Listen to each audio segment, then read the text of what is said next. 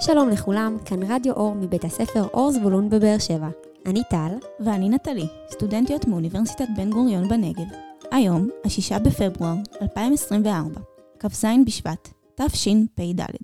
פרשת השבוע, פרשת משפטים. חלליות רודפות אחריך, חלליות קוראות לי לחזור. והיאך היא הדרך לאהבתו ויראתו, בשעה שהתבונן האדם במעשיו וברואיו הנפלאים הגדולים, ויראה מהן חוכמתו שאין לה ערך ולא קץ. רמב"ם, הלכות יסודי התורה, פרק ב'. השנה, תשפ"ד, שבוע החלל הישראלי, התקיים בימים ראשון עד חמישי, בין התאריכים י"ח עד כ"ג בשבט, בין ה-27 לינואר עד ה-2 בפברואר.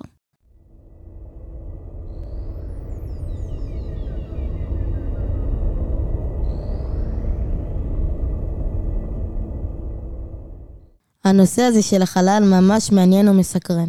האמת שגם אותי. זה נושא מגניב ומסתורי. לפעמים צריך להפעיל את הדמיון כדי להבין אותו.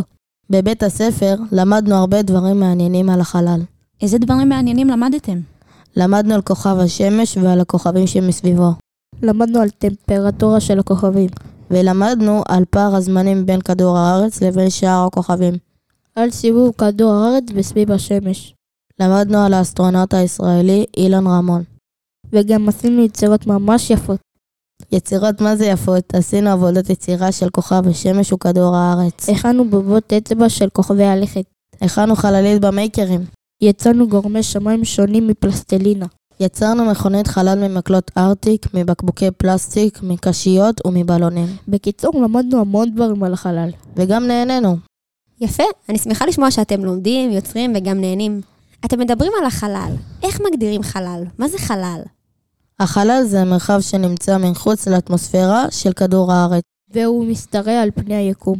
אפשר להגיד שהוא מרחב שבו נמצאים גופים שמימים, החלל עצמו מוגדר כריק כמעט מוחלט. ואקום, או במילים אחרות, כלום.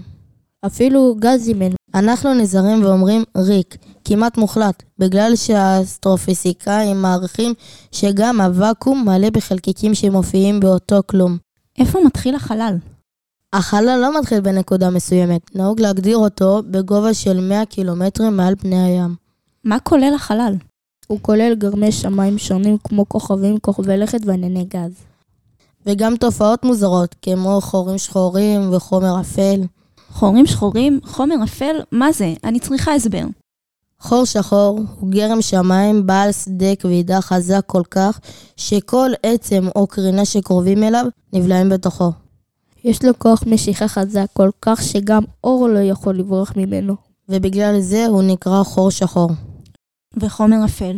חומר אפל הוא סוג של חומר שמורכב מחלקיקים קטנים שלא מתקשרים עם חומר רגיל והם לא פותחים קרינה אלקטרומגנטית. וזה אומר שהם לא יכולים ליצור, להחזיר או לספוג אור. נכון מאוד, וגם חומר אפל הוא שקוף ולא ניתן לראות אותו. אם החומר האפל הוא שקוף, איך יודעים שהוא קיים? יודעים שהוא קיים בגלל הדברים שהוא עושה ביקום. כן, כן, כמו למשל תזוזה של כוכבים או עיוות האור שהם פולטים. בני אדם יכולים להתקיים בחלל? מה אתם אומרים? בן אדם לא יכול בימינו לחיות בחלל, אבל אני מאמין שבעתיד כן. כי אין בו אוויר או כל גז אחר. אי אפשר לנשום בו. בגלל שאין בו כלום, לא עובר בו קול וגם לא נוצר בו חיכוך. זה אומר שעצם שינה בחלל יכול להמשיך לנוע בו באותו מהירות כל הזמן.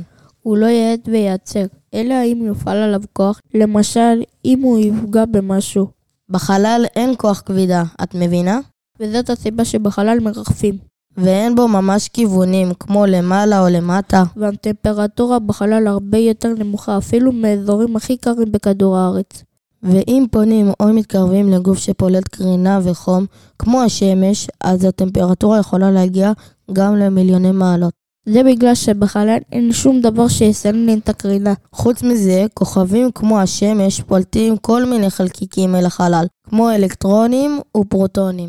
באלקטרונים ופרוטונים יש קרינה ומטען חשמלי שעלולים לפגוע בגוף של אדם שנמצא בחלל ולהזיק לו. הם עלולים לפגוע גם במכשירים שונים בחללית ולשבש את הפעולות שלהם. אז איך האסטרונאוטים מתקיימים בכל זאת בחלל? יש להם חליפת חלל שמגנה אליהם.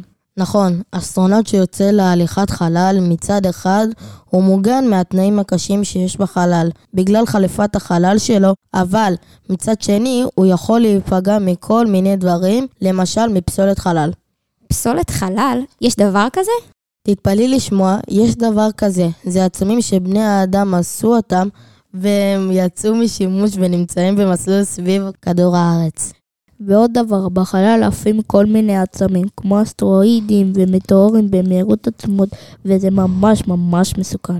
ככה שהחלל, אף על פי שהוא כלום, הוא לא לגמרי ריק. שתדעו, מחוץ לכדור הארץ יש הרבה משאבים שאפשר לנצל אותם לטובת האנושות. מה למשל? למשל אסטרואידים. באסטרואידים יש מתכות כמו פלטינה וטיטניום. ולמה משמשות המתכות האלה? הן משמשות לייצור כל מיני מוצרי אלקטרוניקה. ואולי אפשר להפיק מאסטרואידים מים. וההפקה של מים בחלל תוביל לחיסכון ממש גדול בעלויות של משימות החלל. הובלת מים מכדור הארץ היא ממש חשובה, אבל היא כרוכה במלא מלא כסף. על הירח יש ככל הנראה גם כמויות גדולות של גז הליום 3. ומההליום 3 אפשר להפיק אנרגיה. זו אחת הסיבות שמדינות שונות רוצות לחדש את המשימות לירח. נכון, כדי לנסות להשתמש בהליום 3 ליצור דלק למשימות חלל. ואולי גם כתחליף לנפט. ניצול משאבים מחוץ לכדור הארץ הוא גם צעד חשוב בניסיון להתיישב שם. אם נרצה יום אחד להקים מושבות על פני הירח או כוכבי לכת אחרים, אז נהיה חייבים למצוא דרך להפיק מים, למשל, ועוד דברים שאי אפשר לחיות בלעדיהם. כיום מתוכננות כמה משימות לא מאוישות לירח ולמאדים, שבהן ינסו למצוא דרך להפיק מים מהשאבים הטבעיים שיש בהם. ניסויים כאלה הם הצעד הראשון לקראת פיתוח מערכות שבעתיד יהיו חיוניות לקיום של בני האדם בחלל. אז אפשר להתחיל לחלום על וילה בחלל? אפשר, אפשר. בטח שאפשר, חלומות לפעמים מתגשמים. יבוא יום והחלומות שלנו יהפכו למציאות. אני ממש מאמין בזה. אני לא רק מאמין בזה, אני חולם להיות בין הראשונים שהתיישבו שם. וואו, בהצלחה. תודה. It's one small step for man, one giant leap for mankind. זהו צעד קטן לאדם, צעד גדול לאנושות. אמר ניל אמסטרונג כאשר דרך לראשונה על פני הירח במשימת אפולו 11 ב-21 ביולי 1969.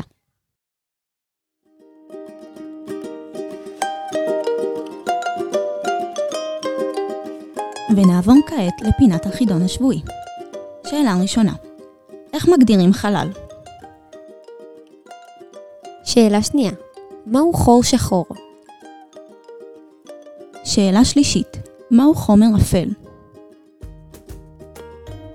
שאלה רביעית, למה משמשות המתכות כמו פלטינה וטיטניום שנמצאות באסטרואידים? שאלה חמישית, מהי פסולת חלל?